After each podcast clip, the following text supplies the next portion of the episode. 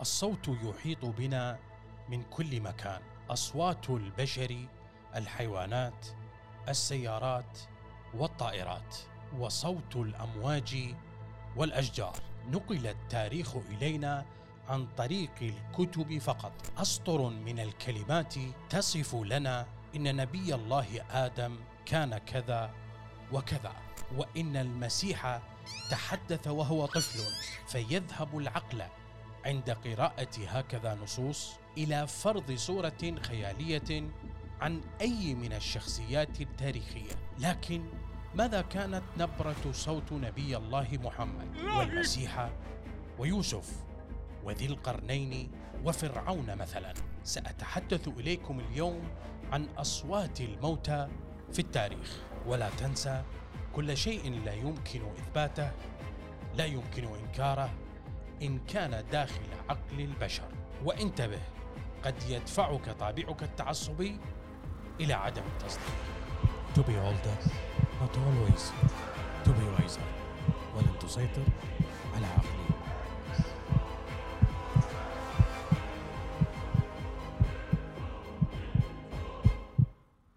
مرحبا أصدقائي. أنا سيزر الحاتمي. أحدثكم من مكان ما على كوكب الأرض. وأنت الآن في نقطة تفكير الموسم الثاني من قناة XTALK المتواضعة واللي راح تكبر بمشاركتك إلها. وإن حاب تدعم القناة وفرت منتجات لكل حلقة. ومنتجات حلقة اليوم هاي تلقاها أسفل بالوصف. خلي نبلش. خلي نبدي الحلقة اليوم بسؤال شوية غريب. هو شلون كان صوت الماضي؟ كيف كان صوت التاريخ؟ المقصود بي إنه أنت الآن دا تشاهدني أو تسمعني عن طريق تليفونك الذكي أو حاسبتك أو تلفزيونك. يعني أنت اليوم تستعمل جهاز صغير تحب تسمع بيه أي شيء أنت تريده وبأي وقت أنت تحدده ولأي محتوى كان. لكن إذا أنت كنت من محبي القصص والروايات التاريخية القديمة فما راح تلقاها بمحتوى صوتي. راح تلقاها على شكل كتب نصوص يعني. فمن راح تقرأ مثلا عن أي شخصية تاريخية قديمة راح مخيلتك تفرض صورة خيالية في بالك عن الشخصية اللي أنت تقرا عليها. إذا كانت هاي الشخصية من الشخصيات المقاتلة راح ترسم صورة معينة في بالك عن هاي الشخصية. راح ترسم صورة من الممكن أن تكون صح ومن الممكن أن تكون غلط. يعني أنت تقرأ عنه انه هو مكتوب عنه هو مثلا مقاتل مقاتل عظيم. راح مخيلتك تاخذ هاي الصفة وتبدي ترسم عليها صورة. لكن مخيلتك يا صديقي المشاهد العزيز ما رسمت صورة عن خصاله هو. مثلا قد يكون طيب القلب لكن مقاتل عظيم. قد يكون حنين لكن مقاتل عظيم. هاي ما قدر عقلك أن يرسم عنا هاي الصورة. يعني عقلنا يرسم ما هو مكتوب. يعني بمجرد ما نفكر بأي شخص ما عنده أي صورة راح عقلنا يعوض ويرسم هاي الصورة الخيالية عنه. زين كيف كان النبي آدم؟ كيف كان سليمان؟ نوح المسيح نبي الله محمد كيف كانوا أشكالهم؟ لكن يا صديقي المشاهد العزيز المشكلة مو بأشكالهم أصلا. الأمر الأصعب صراحة هو كيف نتخيل نبرات صوتهم؟ كيف ممكن مخيلتنا ترسم إلنا نبرة صوت شخصية تاريخية إحنا ما شايفين إلها صورة؟ هل من نقرأ عن شخصية تاريخية نتخيل صوته أجش إذا كان هو قاسي؟ كيف ممكن نتخيلها؟ كيف ممكن نتخيل الصوت اللي هو ينقل إلنا المشاعر عن بعد آلاف الكيلومترات بهذا الوقت بعصرنا التكنولوجي؟ يعني اليوم مثلا الخبر الصوتي ينتقل بسرعة لكن قبل ما كان أكو هيك شيء لأنه كان صوت الناس محدود بين الجدران. ومثل ما قلت لك يا صديقي المشاهد العزيز إحنا اليوم نقرأ عن شخصيات تاريخية شنو سووا لكن ما سامعين من عندهم. وتوقع أيضا يا صديقي المشاهد إنه البشر ما قدر أن يفك الموجات الصوتية إلا بالقرن التاسع عشر. ومنا بدأوا العلماء ينقلون الصوت. مثلا جيمس ماكسويل اكتشف إنه الموجات الكهرومغناطيسية لها القدرة أن تنتشر بالجو. وراها جراهام بيل اكتشف الهاتف اللي هو ينقل الصوت ما بين طرفين أثناء المحادثة. لكن عمنا توماس إديسون اكتشف الفونوغراف اللي هو جهاز يسجل الصوت. وقدروا البشرية من خلال هذا الجهاز أن يسجلون ولأول مرة في تاريخ البشرية صوت البشر. وهذا كان بسنة 1877 سجلوا للمرة الأولى في تاريخ البشر.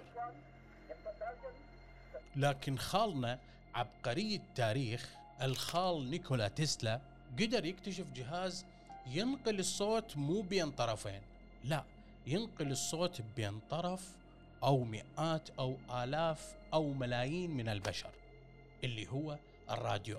لكن هذا بالفترة الأولى من اكتشافه استخدم للأغراض العسكرية للمحادثة ما بين الجنود. وبسنة 1906 في الولايات المتحدة أول مرة سمعت البشرية صوت بشر قدروا يسمعوه ملايين من الناس. I was the Pan American Congress in Washington, D.C.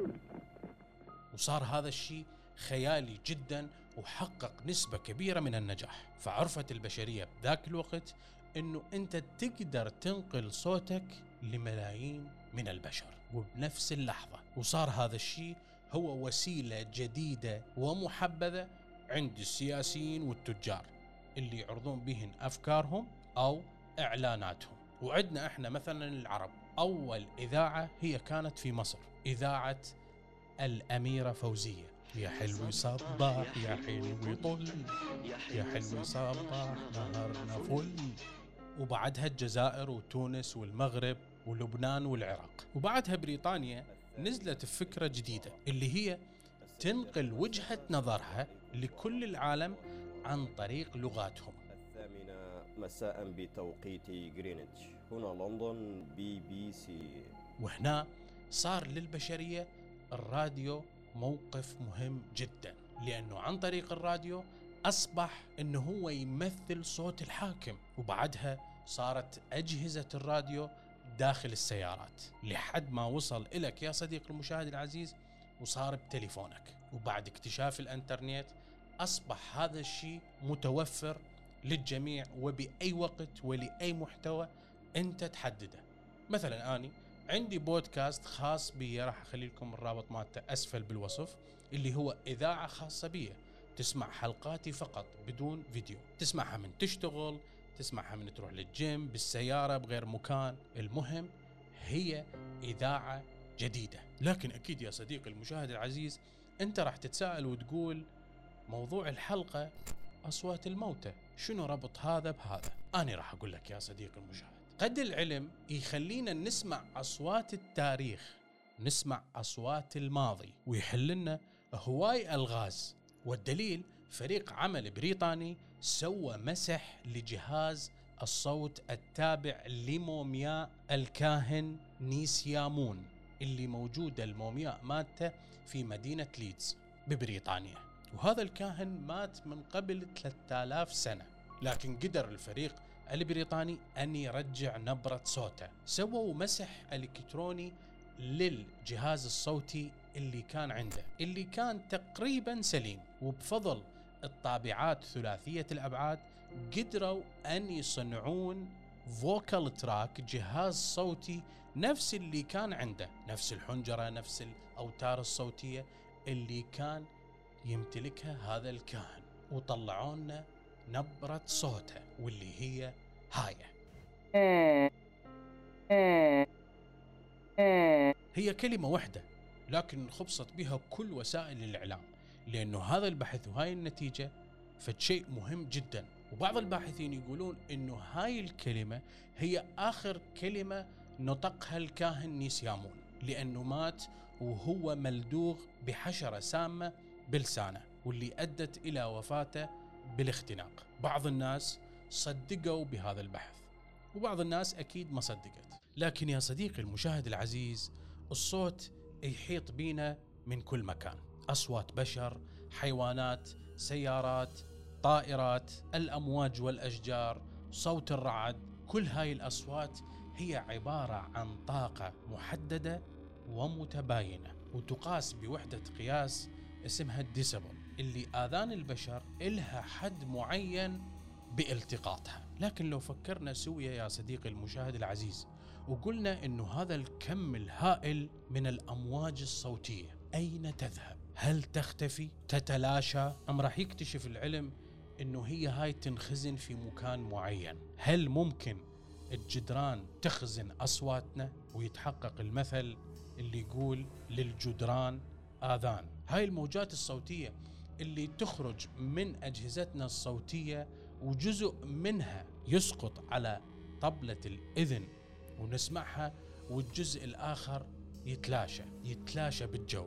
هل مثلا أصواتنا كلها محفوظة بالجو؟ إن ثبت العلم إنه الإجابة على هذا السؤال نعم معناتها إنه الجو مليء بالأصوات التاريخية. وننتظر من يقدر يلتقطها وإعادتها لنا بعد وفاة صاحبها هل مثلا رئيس الولايات المتحدة الأمريكية السابق رونالد ريغان من نتبنى مشروع حرب النجوم هل قدروا أن يستعيدون الأصوات التاريخية القديمة؟ هل اكتشاف هذا الفريق البريطاني هو شرارة لبدء أو اكتشاف الأصوات التاريخية القديمة اللي راح تخلينا نطلع على الكثير من الحقائق أو ممكن يخليك العلم أن تسمع صوت أحد أحبائك من كنت قاعد وياه في مكان معين بعد وفاته هل ممكن يصير هذا الشيء؟ شنو تعتقد يا صديقي المشاهد العزيز؟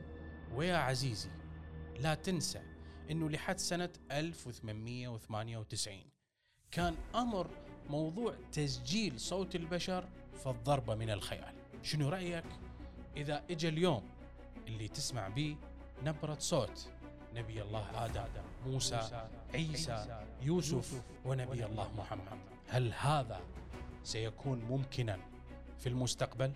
لكن نهاية يا صديقي المشاهد العزيز سؤالي الأهم نقل التاريخ إلينا عن طريق الكتب والنصوص. كيف سننقل تاريخنا نحن للأجيال القادمة؟ هل القرص الصلب سيكون وسيلة بدائية جدا للأجيال القادمة؟